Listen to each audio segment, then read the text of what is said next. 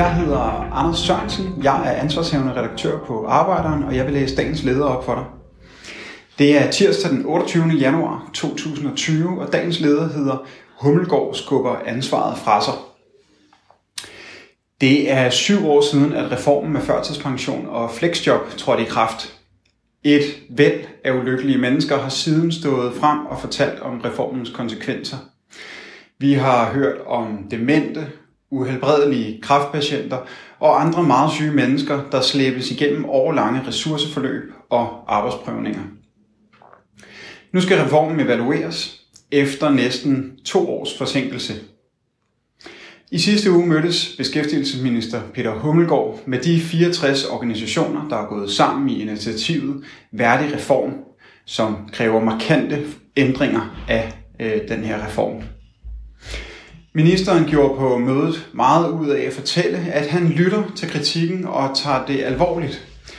Men der er intet, der tyder på, at han vil kæmpe for at få gennemført kravene fra værdig reform.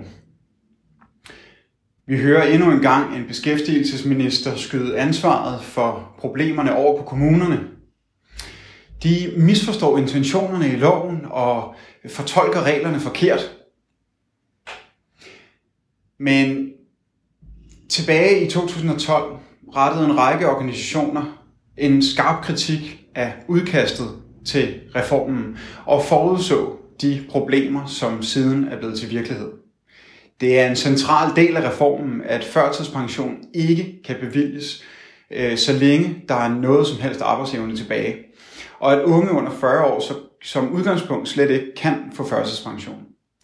Flexjob kan bevilges ned til få timer om ugen, og her er øh, baggrunden for de endeløse øh, afklaringsforløb ude i kommunerne, som jo altså skal dokumentere, at der ingen arbejdsevne er tilbage. RSSF-regeringen besluttede tilbage i 2012, på trods af kritik, at ydelsen i de såkaldte ressourceforløb skulle være på niveau med kontanthjælpen. Samtidig afviste man at sætte en øvre grænse øh, for, hvor længe en person kan være i ressourceforløb. Det giver selvfølgelig de, de økonomisk hårdt pressede kommuner et økonomisk incitament til at fastholde syge på ressourceforløb, i stedet for at bevilge dem førtidspension. Reformen betød også en voldsom forringelse af flexjobordningen. De fleste nye flexjobbere fik et voldsomt fald i indtægt. Det blev stort set umuligt at få flexjob på sin hidtidige arbejdsplads, og fagbevægelsen blev udelukket fra forhandlingerne om løn og arbejdsforhold i det enkelte flexjob. Ingen af disse åbenlyse problemer i reformen ligger ministeren op til at ændre.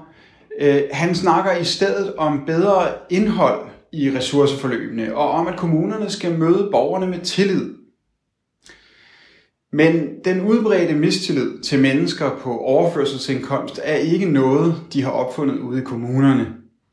Mistilliden bunder i den tilgang, flertallet af politikerne på Christiansborg har til mennesker på offentlig forsørgelse.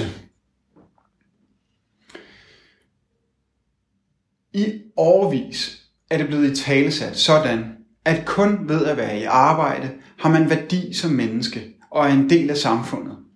Vi bliver dunket i hovedet med princippet om ret og pligt, og for at vide, at vejen til at få arbejde, at, for, at vejen til at få folk i arbejde er konstant pres og lavere ydelser. Kun en fundamentalt anderledes tilgang til mennesker med handicap, sygdom og sociale problemer kan fjerne den udbredte den udbredte mistro og forrådelse, der i dag kendetegner vores beskæftigelsessystem. Du har lyttet til dagens leder fra Arbejderen. Abonner på vores podcast på iTunes eller hvor du ellers hører din podcast. Du kan også klikke ind på arbejderen.dk for meget mere journalistisk indhold.